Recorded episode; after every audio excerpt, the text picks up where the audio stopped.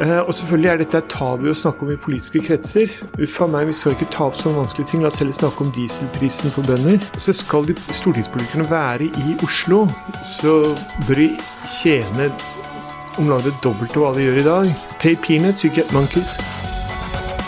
Her er Stavrum og Eikeland, en podkast fra Nettavisen. Velkommen, Jan Ludvig Andreassen. Du er sjeføkonom i Eika-gruppen. Renta har nå begynt stigningen. Hvor dyrt blir dette for boligeierne? Jo, takk for at jeg fikk komme. Eh, nei, jeg tror ikke det blir så dyrt, for jeg tror Norges Bank må besinne seg. Noe som faktisk også er prisene i markedet. De tror på syv hevinger. Sist jeg så, var det prist inn fem. Eh, eller fire til, da. Eh, så, så, men jeg tror det vil stoppe før det. Eh, det var jo egentlig litt sånn tvilsomt grunnlag for å heve den renta. Det var litt sånn der, en offensiv, ikke noe påkrevd heving. Og i sterk kontrast til det svenskene gjorde, som jo velger å holde renta på null til 2025, selv om de har sterkere inflasjon og sterkere økonomisk vekst enn vi har. Så dette her var litt unødvendig opportunistisk, og jeg tror de roer seg. Men hvis de får rett, og så takler norske boligeiere en dobling av, av, renta? Ja, det blir jo da mangedoblinger, men altså, ja. det kan bli en dobling av boliglånsrenta til ja. uh, oppimot 3,5 exactly. Og det vil nok være slik at det bremser i hvert fall boligprisveksten. Nå er det mulig at andre ting vil skje i så måte, at du får eh, sterk lønnsvekst osv. Men som sagt, altså jeg regner dette som veldig lite sannsynlig. For det vi har i Norge i dag, vi har veldig lav kritvekst, vi har veldig lav boligprisvekst. Vi fikk akkurat i dag på morgenen eh, tall for detaljomsetningen som falt nye 3,8% etter å fall på 3% i forrige måned. Så ting roer seg veldig fort ned i Norge nå. Så det er egentlig ikke noe, Og det er før de store strømprisøkningene slår inn i, og selvfølgelig renteøkninger slår inn i husholdningenes økonomi. Så, så jeg, jeg, tror at det blir egentlig veldig moderat uh, vekst fremover. Um, og så må jeg få lov å si at uh, det, antageligvis så får vi også en vesentlig sterkere krone. Nettopp fordi våre naboland velger å holde seg på null og i negativ lende. Uh, og så skal vi øke på. Og da blir det mer attraktivt for utenlandske investorer som sitter nå med negativ rente på sine innskuddskontoer i Europa, og søker veien til Norge. Og for å få plassert penger i det norske markedet, så må de først kjøpe kroner. Kommer det mange nok av dem, eh, og det vil de trolig gjøre, så vil de by opp verdien av den norske kronen for å få plass, kjøpt disse rentebærende papirene denominert i norske kroner. Og det vil trekke kronekursen opp. Og husk, det er ganske langt ned til det normale. Krona er i dag 10% sterkere enn det var i gjennomsnitt i et årtusen. Så det er mye å gå på for krona fremover. Størst endring ser vi allerede mot svenskekrona, som sagt, fordi svenskene valgte jo en helt annen rentestrategi. Igjen litt sånn der de kunne ha valgt å heve renta, men nei, vi skal kjøre en kurs, vi, i Riksbanken i Sverige som sikrer oss Lav rente, god konkurranseevne for næringslivet ved en svak kronekurs. Norge gjør det motsatte. La oss dvele litt med det. for dette, eh, Folk tenker jo intuitivt at oi, en sterk rente det er gull, for da kan du dra til Gran Canaria og kjøpe varer billig. Så glemmer de å tenke at samtidig blir norske varer dyre i utlandet som gjør at vi kan bli utkonkurrert og få høyere ledighet, f.eks. Litt det samme renta. Eh, du sier, det du egentlig sier, er at svenskene de gir gass fortsatt, men Norge syns at utsiktene er så bra at vi har begynt å trykke inn bremsepedalen, og det ser du ikke noen grunn til? Nei, og du ser mye mer systematisk nok en gang svenskene er. ikke sant? De prøver å støtte opp næringslivet sitt på mange måter. Hjelpe til ved det grønne skiftet osv. Mens vi er mer sånn ad hoc, og så skal vi komme med en eller annen pussig avgift eller et eller annet for å hjelpe det grønne skiftet. Men faktum er at kronekursen er veldig viktig for det grønne skiftet.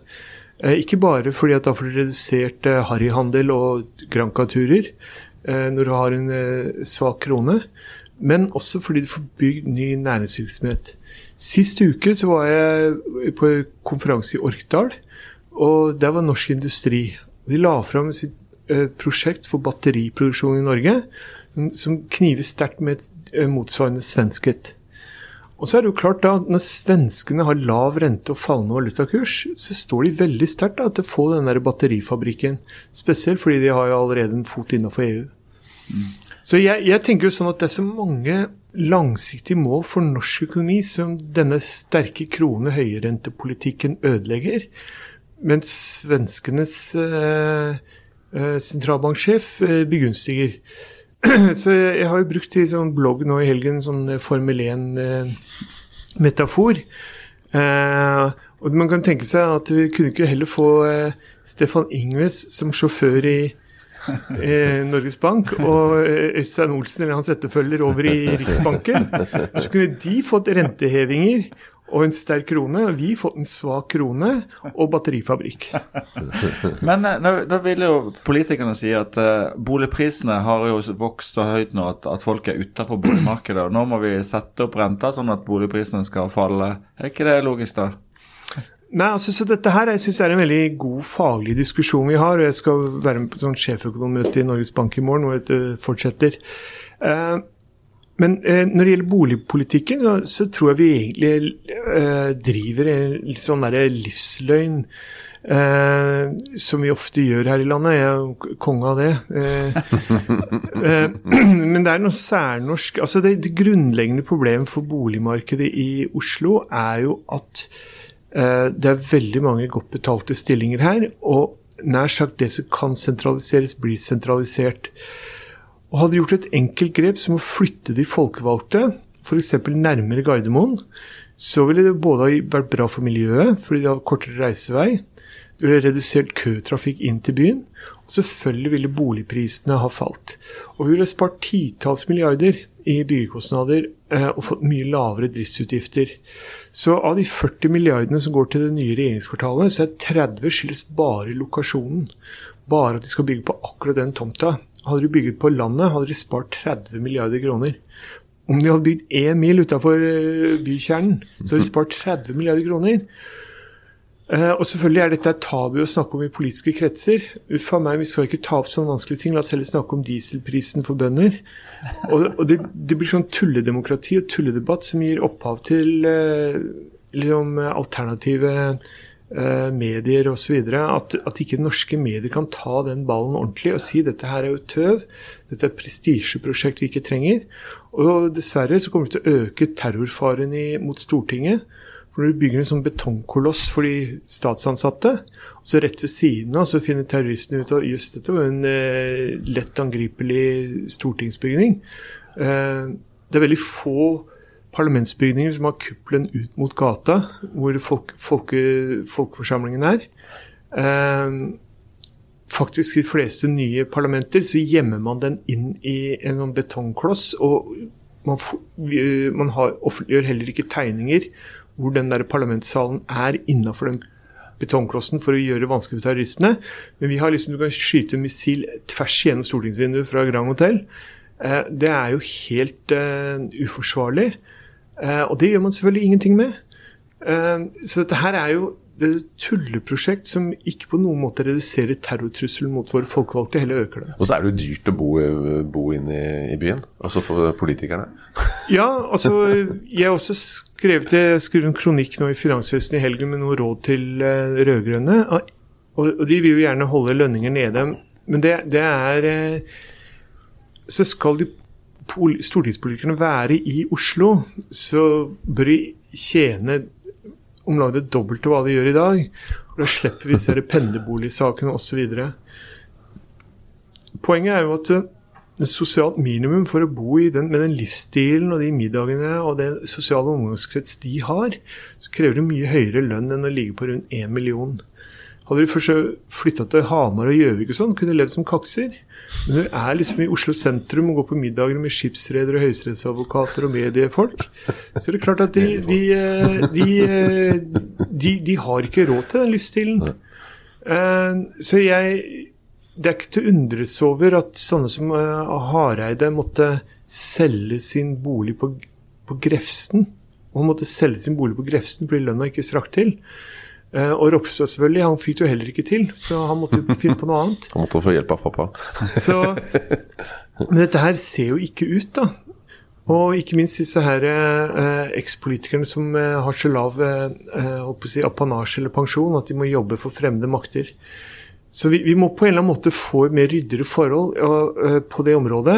Og her er det å ha lave politikerlønninger det gir en mindre effektiv stat. Og det er veldig dårlig for de rød-grønne, som ønsker å ha en effektiv, troverdig, bra stat for å demme opp for eh, besteborgerlige alternativer. Uh, så jeg håper inderlig at de gjør noe med lønns... Hvis de skal være i den byen, da. At de gjør noe med lønnsnivået til folkevalgte og toppfolkene i, i departementet. Åh, dette, dette, er, deilig tematikk hvor du sier ting eh, som ikke alle andre sier. Men la oss tenke litt videre, da. Vi flytter Stortinget til Eidsvollbygningen. Og vi legger regjeringskvartalet til Jessheim. Eh, og vi beholder dagens lønninger. Men kan vi ikke også flytte NRK eh, etter, og kanskje eh, universitetet ut av byen også? Oslo Mest ut av byen. Så får vi fristilt mye rom for nye boliger. Ja, så, så med en gang du flytter Stortinget og Husk når de lagde Grunnloven, så flytta de seg til Eidsvoll for å slippe unna alle lobbyistene sånn, som drev og, og surra rundt uh, i, midt i byen. Litt som Hurdal i dag. ja, ikke sant? Uh, jo, man, man, gjør jo det bevisst for å komme seg unna. Mm. Og jeg tror til og med det har fått bedre politikk, og mer jordnær politikk. Jeg tror i det hele tatt at uh, vi går ut av en æra hvor liksom, litt sånn stor stormaktsgale norske diplomaten som skulle rydde opp i eh, Midtøsten, Afghanistan, Libya osv. Det har gått litt ut på dato, og nå vender folk hjem og ser at dette har vært en gedigen fiasko i alle områder. Kosta titalls milliarder kroner, skapt elendighet overalt vi har vært. Så, så, jeg tenker jo at eh, det er på tide å vende hjem for politikerne og kanskje oppdage Norge på nytt. Og det var veldig bra med korona, at mange måtte reise rundt, se Norge på nytt.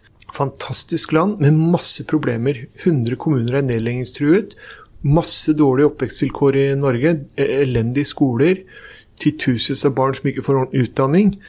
Eh, dette kan politikerne rydde opp i. Det er greiene nede i Midtøsten det har de aldri hatt kjangs på. Men selvfølgelig, hvis du driver nede i Midtøsten, så blir du jo millionær. Hvis du driver ute på Strømmen eller sånn på en dårlig barneskole, så får du ingenting.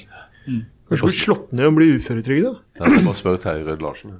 Ole, jeg må, jeg må bare drøye ja, ja, punktet som går på politikerlønninger. For der går det jo stikk i strid med, med, med i hvert fall venstresiden. Sant? De vil jo ha partiskatt, og helst, helst, helst vil de jo at uh, stortingsrepresentantene skal representere folket. Altså ikke tjene mer enn en lavtlønte for å kjenne på kroppen hvordan det er. Men du, du tenker la oss lage en skikkelig politikerelite som tjener masse penger og går i middag hos uh, Nei, jeg, jeg syns ikke det er elite. Det er uh, bare folk, folk, som er høyt utdanna. Altså vi, hvis du ser privat næringsliv nå mindre bedrifter skal ha en IT-ansvarlig, det er to millioner kroner.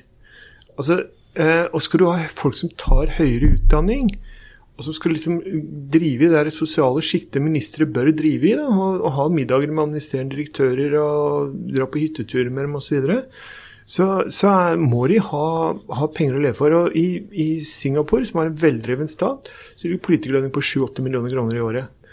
Jeg tror ikke engang vi får ordentlig respekt i utlandet. Folk kommer jo her dårlig kledd og lavt lønn og tar bussen til på konferansen osv. Så driver bare, Det eneste vi scorer på, er at vi kan dele ut milliarder av skattepenger. Ja. Så vi må på en eller annen måte få mer realistisk forhold til det. Og med min kjernepunkt, da, fordi jeg stemmer jo eh, rød-grønt, da. Jeg, jeg liker, Siden jeg er fra østkant Oslo og bor på eh, Snarøya jeg, jeg, føler jeg Du har tatt den denne klassekampen? ja, men jeg, kan, jeg, uansett, jeg, liker å si det på talerstolen. Uansett hvor mye gærent Arbeiderpartiet gjør, så må jeg liksom stemme på dem. Uten å forråde Groruddalen. Men, men, det er jo klart at eh, altså, de rød-grønne, og spesielt hvis du er ordentlig marxist eller sosialist, så er du avhengig av at det offentlige drifter godt for å vinne troverdighet i befolkningen. Så vi Har, så, og det er småpenger i den store sammenhengen. Og vi må ha en effektiv statsstyre hvis det rød-grønne prosjektet skal fungere. Noe av det tragiske er jo at sånne Lan Marie Berg, som jeg har veldig sans for, synes er en fantastisk person, hun blir satt på å styre et vannverksbyggeprosjekt. Selvfølgelig er det, det er helt sjanseløst, og milliardene ryker. Og da faller jo MDG i, i, i deres grønne opp, idealer blir liksom slått helt i bakken av disse tekniske utfordringene, vil jeg kalle dem. Da Da må du, du må ha folk som, når de sitter i den type stillinger Du må ha toppingeniører som skal bygge vannverk til milliarder av kroner. Eh, jernbane til titalls milliarder av kroner. Veiprosjekter til, til sånn som E... E 39 E39 og E18. Jeg har en kamerat som var med på E18-forhandlingene, og han sa det rett ut at politikerne som satt rundt bordet, de skjønte ikke hva de gikk i. De, de forsto ikke det tekniske greiene. Og, og det er 30 liksom, milliarder som eh, går ut av vinduet. Så, vi, så, skal du få hevet kompetansen til, på et tilstrekkelig nivå, og for ikke snakke om vi driver og forvalter 12 000 milliarder kroner i utlandet. Det krever toppfolk for å drive på med. Og selvfølgelig da har, har Nicolai Tangen, Kjetil Haug i Folketrygdfondet og andre som driver business for staten, de har helt andre lønninger. Og det bør også politikerne få. Altså, for ellers, ellers det er som de sier i finansbransjen you, you, uh, Pay peanuts, you get monkeys. Men apropos, apropos, det, da. Eh, nå har vi fått en, en ny eh, sjef. Han har vært der et års tid i, i oljefondet. Ja. Eh, hva syns du? Gjør han en god jobb, eller? Ja, Det har ikke jeg egentlig forutsetninger for å eh, si noe om. Jeg synes, det jeg syns var veldig interessant, var at normalt ville han, den stillingen kommet fra byråkratiet. Men at vi nå valgte å hente noen utenfra. Og det var jo så veldig mye strid om Eh, alt det med hans private økonomi og sånn. Det skal vi ikke gå inn på. Han gikk jo kraftig ned i lønn. Må, vi, må, vi, må, vi må forutsette at det er på stell. Men jeg syns det er en slags sånn eh, seier, da, for Eh, konseptet om en sterk, profesjonelt drevet stat, at vi klarer å hente toppfolk fra det private næringsliv. Så sier jeg vet ikke om han var den beste vi kunne fått, eller eh, om han gjør en god jobb. Men altså, hele tanken på at vi bruker penger på å hente toppfolk til å ha så utrolig viktige eh, verv, det har jeg sansen for. Og det kunne man tenke på også når det gjelder jernbane osv. Og, og for å ta Oslo-skolen, så aner jeg heller ikke hva kvaliteten på dette er. Men det har blitt noe kritikk av at direktører i skoleetaten tjener over en million kroner. Jeg syns det er fantastisk, for det er jo så utrolig viktig jobb. Barn og unge, integreringsarbeid, kamp mot gjengkriminalitet. Alt starter i skolen. Det er noe av det viktigste vi gjør. Og hvorfor skulle ikke folk i skolen tjene godt? Det er noe veldig pussig. Mm. Det, du har et interessant poeng. det er jo at Hvis du er for en, en stor stat, ja. Eh, så må du være desto mer opptatt av at ikke den staten sløser bort penger, og at den driver effektivt. Det litt, eh, Jeg jobber i finanspressen en del år. Sant? Hvis du vil ha et næringsliv, et fint næringsliv, så må du ta utvekstene. Du må være kritisk med det negative næringslivet. Men eh, hvordan ser du på Sånne ting som, som, tillitsreformen, bort med måltall eh, og altså, de nye tonene på hvordan vi skal drive denne staten, som den nye regjeringen kanskje kommer med. Altså det, det som var kanskje litt feil med den gamle metoden, var sånn ostehøvelprinsippet. Eh, og jeg, jeg, tror det er mer viktig for staten å tenke på hva er det vi egentlig skal drive med? Skal vi surre rundt i uh, Midtøsten og Langtvekkistan og Afrika og sånn, med titalls milliarder av kroner, hvor vi egentlig ikke har noe der å gjøre. Jeg er sikker på Når vi kommer på en eller annen konferansesal i eh, Nairobi, så er det lokale befolkningen bare spør seg hva i all verden gjør du her? Hva er det du sånn? og, og, det er jo ikke fordi vi har god greie på ting i Midtøsten, det er fordi vi har veldig mange bibelskoler på Sørlandet. Det er derfor vi er der. Så det er liksom sånn at vi må begynne å komme tilbake på hva er det vi bør drive med i den norske stat? Mm. Eh, og da er også sånn, ikke sant, Hvis vi er opptatt av sikkerhet da, for folkevalgte og regjeringskvartalet, flytt ut av byen, spar mange milliarder kroner. Boligpriser i byen Men, ville falle, ja. ting ville bli mer normalt. Så vi kan ta land i bruk. Og jeg, jeg ser nå det jeg tenker på er jo at Vi har, vi har jo så mye nå å, ta, å bygge på under korona. Så flytta folk ut av byen. Bygg videre på det.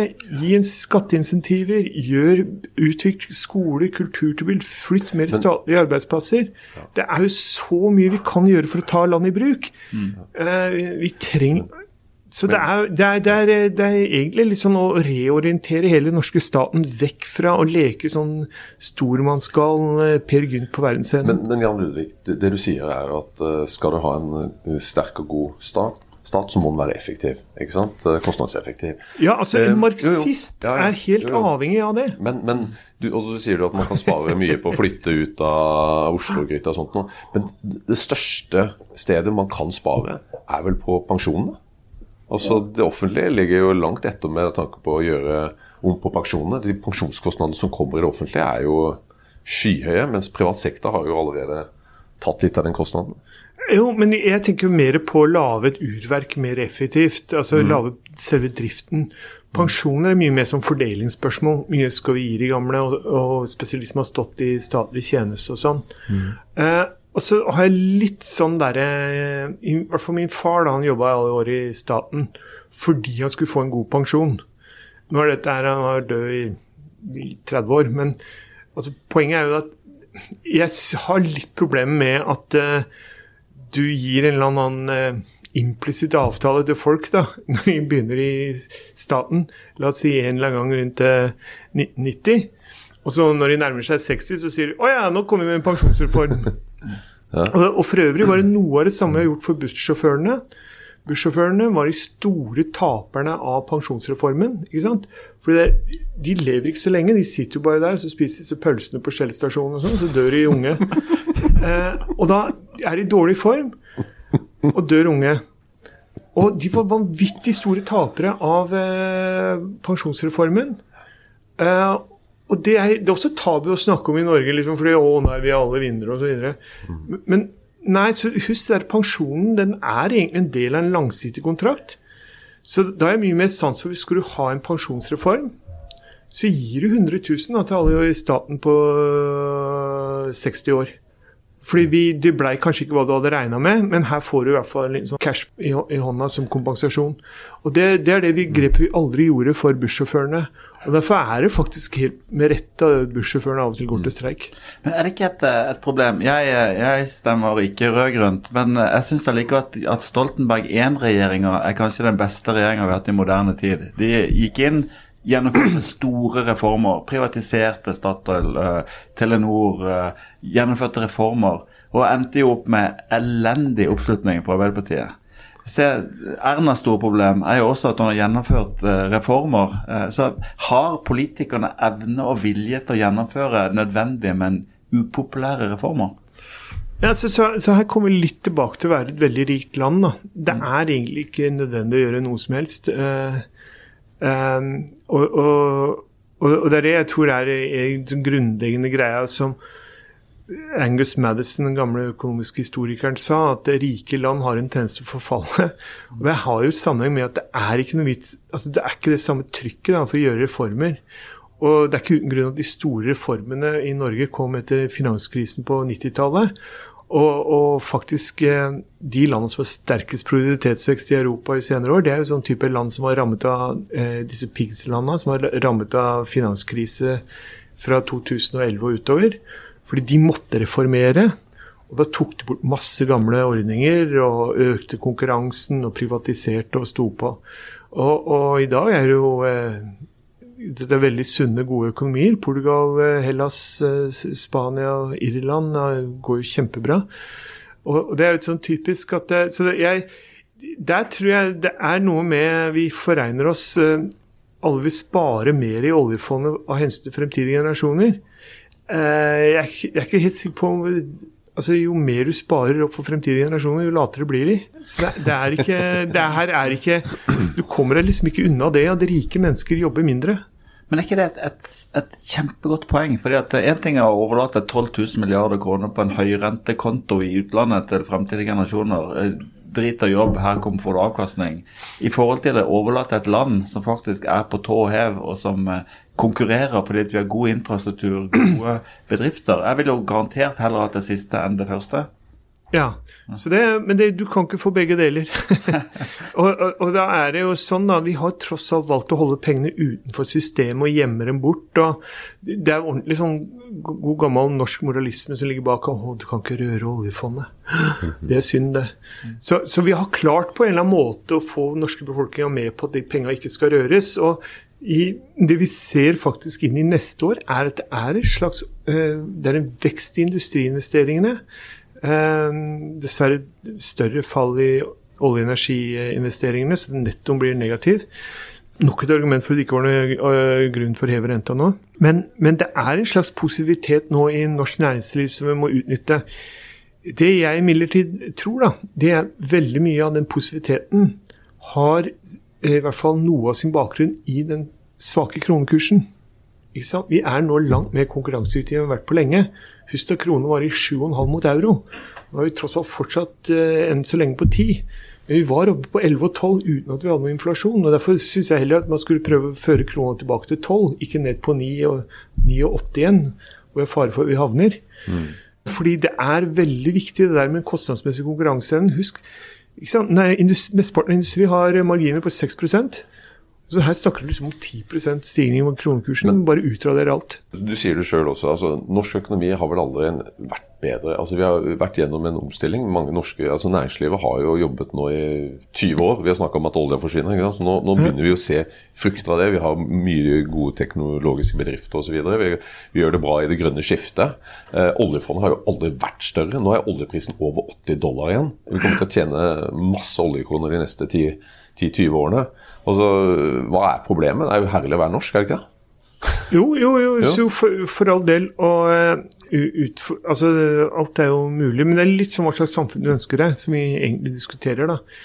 Uh, men, men, jeg merker jo det at uh, i, i, debatten da, så, så, tror jeg at vi, vi, må på en måte komme tilbake til hva, er, er, hva slags samfunn er det vi ønsker? Hva ønsker staten å drive med? Og da vil jeg gjette på det at det å, å prøve å føre krona svakere, ikke sterkere, ville være en god politikk. og Det er derfor jeg er så uenig med det Norges Bank driver på med.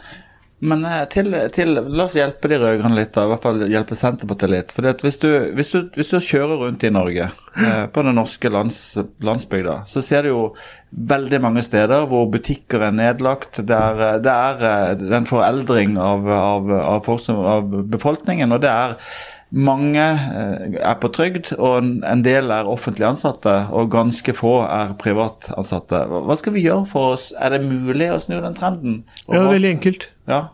Så jeg er også mye rundt i distriktene. Uh, og det er jo, jeg har sagt det før, det er negativ inntektsskatt og borgerlønn. Uh, det bor én million mennesker i distriktene. Um, Røftlig. Ja. Halv million er i arbeid. Mm. Ca. 350 000 er i privat sektor. De kunne alle få 100 000 hver seg i året. Det ville koste omtrent det samme som regjeringskvartalet. Mm. Og det hadde, da hadde du snudd trenden. Mer skal ikke til. Det er bare pennestrøk. Men det poenget er norske distriktsmidler de skal alltid treneres altså de, skal, de skal dreies gjennom et eller annet system, gjennom bondelag, gjennom norsk industri, gjennom en kommuneprosjekt osv. Du får aldri bare gitt penger til befolkningen. Så, så, jeg tror også det må, må, Noe av forenklingen av Norge er å erkjenne at det, det organisasjonsveldet på en måte har vært litt sånn derre propp i systemet på mange måter. da. Og så tenker jeg også at eh, sånn som vi gjør i Italia kan, Kommunen kan kjøpe disse boligene og selge dem ut igjen for eh, ti eh, kroner. Du har etableringsstøtte i mange land, altså 200 000-300 000 kroner. Så hvis Eikeland Stavrum ville bygge sitt kontor oppe i Kautokeino, kunne du få liksom en million bare for å starte det kontoret. De ringvirkene Ta med deg lydteknikeren, så får du halvannen. Men alt dette her er jo mulig. Det er jo, det her, og det er ikke vanskelig. Det er bare å stable penger på beina. Og det som er så slående, ikke sant er en vannledning i Oslo. Kostnadssprekk 5 milliarder. Who cares? 100 millioner til den type borgerlønn, Jan? Nei, det, det er uansvarlig. Det er, du kan ikke holde på med sånn. Så, altså, det er en sånn kontrast, da. At uh, Bare tar ikke sant, vi, vi, sitter nå midt i Oslo sentrum, i steinkast unna det der regjeringskvalet, 30-40 milliarder. Rett bortafor er um, Nationaltheatret. Det skulle pusses opp, ikke bygges nytt. Pusses opp 1,6 milliarder. Politihus 4-5 milliarder, NRK 4-5 milliarder osv. Så, så bare for å lande, da. Eh, få bort disse investeringene i Oslo. Sett skattene ned eh, radikalt i distriktene, yeah. og betal de penger for å bo der. Ja. Veldig enkelt. Du fikk Stavrum og Eikeland, en podkast fra Nettavisen.